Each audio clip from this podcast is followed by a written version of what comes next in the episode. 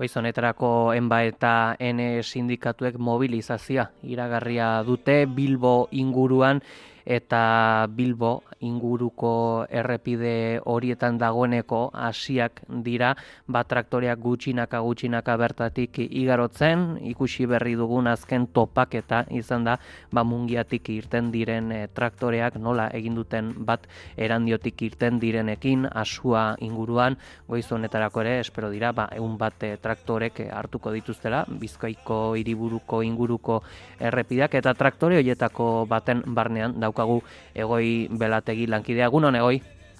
Egunon pegi, egunon entzule guztiak berriz ere, ba bai, traktorean jarraitzen dugu Euskal Herriko nekazarien elkarteko kide batek ingidatutakoa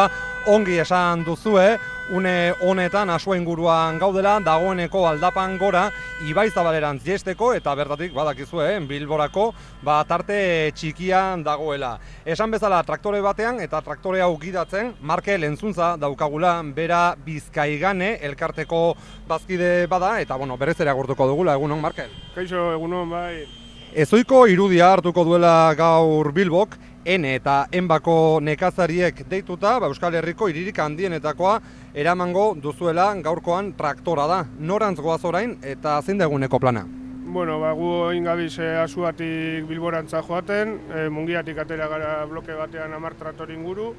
eta orain erandiokoekin batu gara, nik uste du hogeita gozt, hogeita amar traktor inguru gauzela, eta orain ba, samamez erantzagoa, zan ja beste blokekin bat egiteko eta arenalean bukatzeko.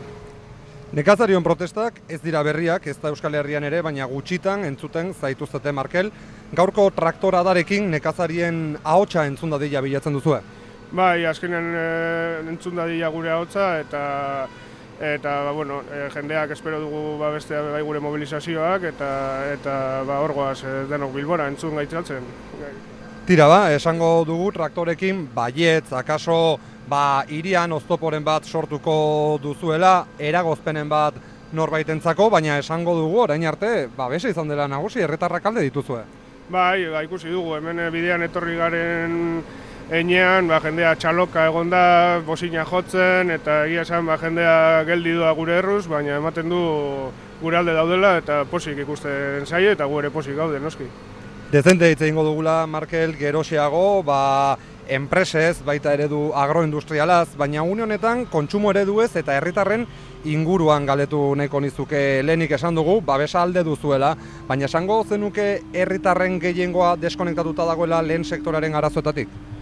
Bai, bai, nik uste dut A ber, gerota gehiago igual ikusten da arduratzen direla ba, lehenengo sektoreataz eta ba, elikadura osasuntzu bat jateataz eta hori azkenean guk bermatu behar dugu, baina bai, ikusten da deskonexio handiago bat batez ere, ba, igual iriguneetan edo leku po populatuenetan. Eta, bueno, ba, azkenean gu, gure aldarriekin gatoz eta, bueno, ba, elikadura buru jabetzaren aldarriak Ziuntua da, ba, jendea kontzientziatzea eta ba, kontsumo ere aldatzen joatea. Esan dugu, Marke, zure kasuan bizkaigane elkarteko bazkide zarela. E, konta iguzu, nolakoa da bizkaigane, non dagoen, zer ekoizten duzuen, zein ereduri tiraka, non saltzen dituzue zuen produktuak? Bueno, ba, bizkaigane elkartea, ja, berrogei urte dituen elkarte bat da, herrigoitiko herrian dago kokatuta, Gernika eta Mungia artean, eta bueno, guk behiak eta ardiak ditugu esnetarako, gaztak eta egiteko, eta gero txerriak ere baditugu ba, estebeteak eta txorizoak eta egiteko. Guk eh, gure modeloa agroekologia da, uste dugu etorkizun berdeago baterantza joateko hori dela bultzatu behar den modelo bakarra, agroekologikoa, eta bueno, guk dena gero salmenta zuzenean eta saltzen dugu, eskolekin ere lan egiten dugu, eta ba, merkatu txikietan egoten gara saltzeko, gaur egunean e, sortzi kide gara, eta ba, bueno, azkenean horrek ere bermatzen du ba, bizi baldintza duinago batzuk edukitzea jende askoren artean lanak banatuta. Negozeren ikuspegitik beraz, zein da honetan gainean duzuen egoera gutxi gora bera? Bueno, ba, guk daukagun egoera, a ber, ez dugu esango egoera honena dela, baina bueno, gu nahiko ondo moldatzen gara, egia esan e, jendeak e, eskartzen du gure produktua, badakite produktu osasuntzu bat dela, e, pestizida gabea, herbizida gabea, animaliak alik eta ondoen e, tratatuz, lurra ere e, lanabez bat bezala tratatuz eta lurra zainduz, eta, bueno, egoera txarrean ez gaude, baina, bueno, beti daude gauzak hobetzeko eta sektorean ere beti gauza asko hobetzeko egongo dira. Esango zenuke gaur egun duzuen egoera ez zain txar hori egin batean ere badela ba, kate industrial horrekin ez zuelako bat egin? Bai, hori argi dago. Azkenean guk eh, kate industrialetatik kanpora gaude, e, uste dugu e, sektorearen etorkizuna bermatzeko kate handietatik kanpora egon behar garela eta sustatu behar dugula ekoizle eta erosleen arteko harremana, e, salmenta zuzenean oinarritzen dena eta edozein zalantza argitzeko ere, ba, aurpegi, aurpegi gauzak beti hobeto joaten dira. Egia da sektorean e, industria handiekin eta lan egiten dutenak zentralekin eta azkenean daudela e, ekoizpen kostuen azpitik e, saltzen haien produktuak eta bueno, hori ere ba, bada errebindikazio bat ez da azkenean bat denok gaude sektorean eta alkarri ere laguntza eman behar diogu. Gu model horretatik aterata azkenean presioak finkatzen ditugu eta eroslearen eta gure arteko harreman horretan ez dago intermediariorik zuen zuek bide zuek zuen bide propioa egiten ari zarete, baina argi dago eredu agroindustrial horiek ere eragiten dizutela merkatuaren ikuspegitik. Martxonetan jarraituz gero Markel, ba nola aurre ikusten duzu etorkizuna? Ba, etorkizuna e, aurre ikusten dugu ba, pizkat iluna, ez da, orain ikusten ari gara ba, transizio berde honetan sartuak e, daudela bai Europar batasunak eta eta azken aldian ikusten ari garen mobilizazioak transizio berde horren e, kontrakoak dira eta ikusten gabiz ba, igual e, agroindustria horren mesedetarako baino ez direla. Azkenean e, ba, e, komertzio askeko itunak ere suntzitu behar dira, kanpotik ekarritako elikagaiak kostu asko zeren merkeagoan saltzen dira eta azkenean gure produktuetan eta gure presioetan ere ba, baldintza bat sortzen dute eta azkenean ba, ez baldintzatzeko gure presioak eta ba, behar duguna da itun horiek zuntzitu eta elikadura buru jabetzaren aldeko aldarri bat egin, ez da? Azkenean e, buru jabeak izan nahi badugu hasi behar dugu lehenengo gauza da bertoko produktua kontsumitzen eta bertoko ekoizlei laguntzen. Galdera litzateke beste modu batera eginda, nola izan independenteak ez badugu elikadura buru jabetzarik. Uh, ba, oso zaila izango da, ez da, ba, azkenean e, ez badaukazu elikadura buru jabetzarik, ba, azkenean hasi beharko zara komertzio askeko e, tratuekin, eta ba, hori azkenean kapitalismoa da fin handi batean, eta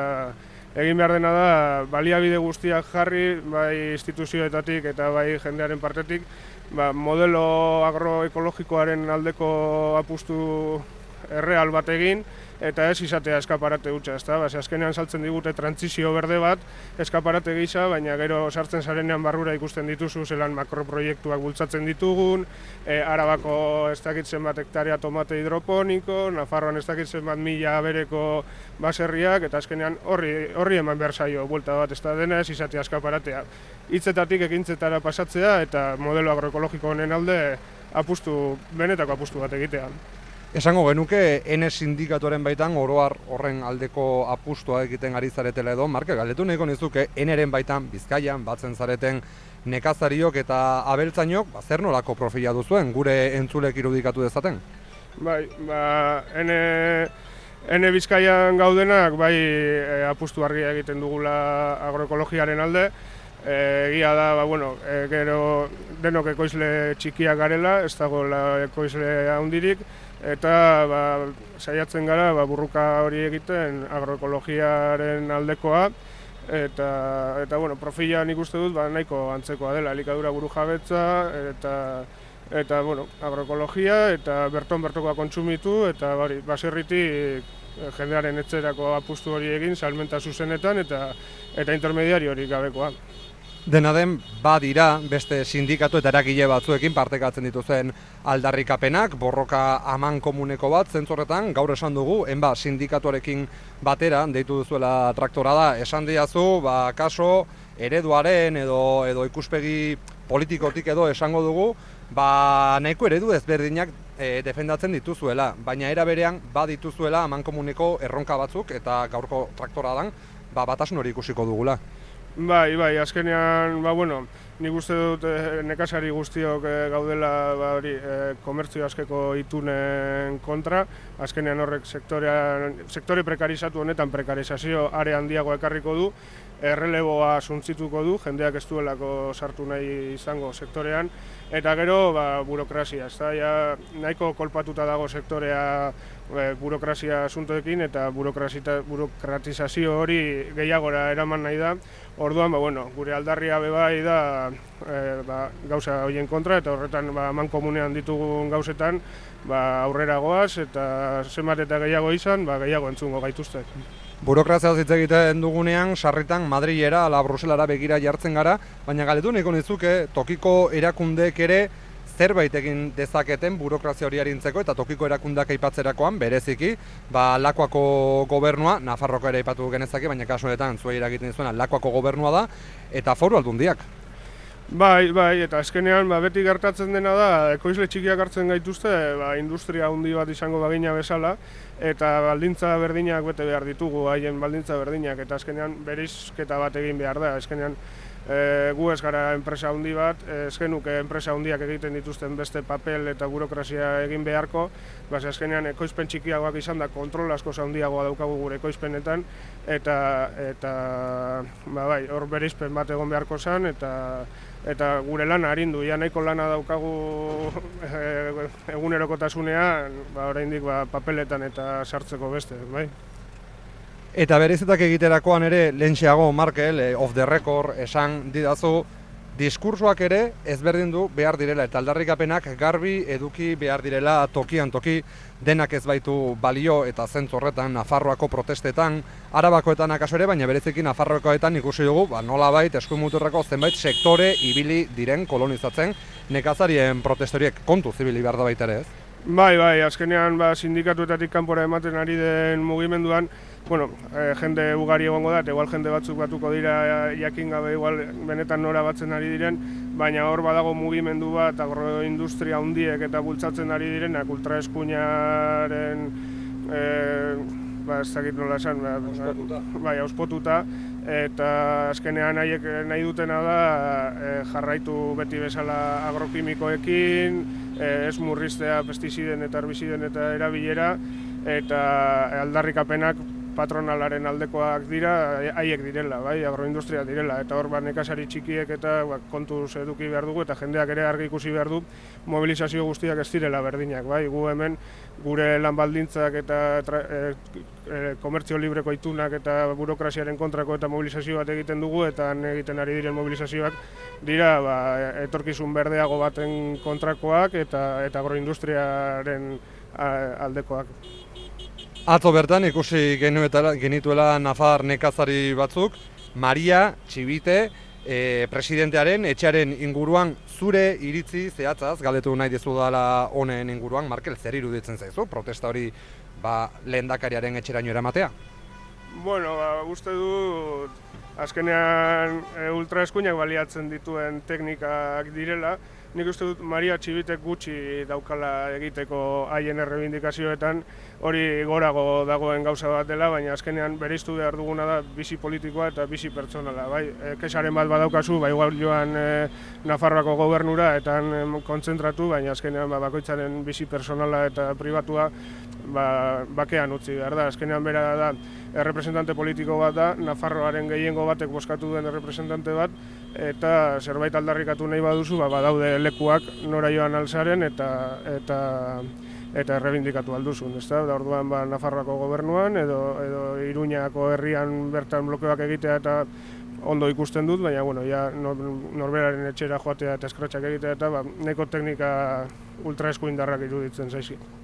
Denak ez duela balio beraz, esan dugu zu ere, Markel ez berendu bar dela diskurtsoen artean aldarrikapenak asko direlako, baina akaso ez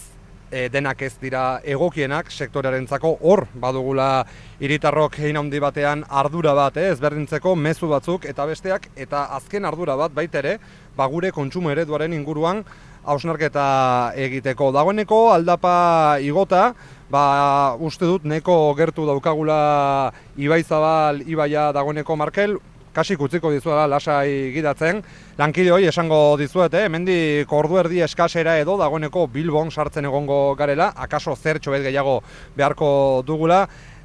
Elkarrizetaren uneren batean akaso ba, zailtasunen bat izango zenuten gauzak ongi entzuteko, ba, traktoren hotxa dela eta eta bar, baina ezue, gaur nekazariak borrokan ditugula eta esan bezala naiz irratia haiekin batera izango dela pegi. Ez kezkatu egoi, bikain entzun da elkarrizketa osoa, bikain entzun dugu Mak, Markelek eginiko aldarrikapen guzti horiek, bidaia ona izan, adi izango gera, goiz osoan zehar, mobilizazio honek ematen duenari dagokionez,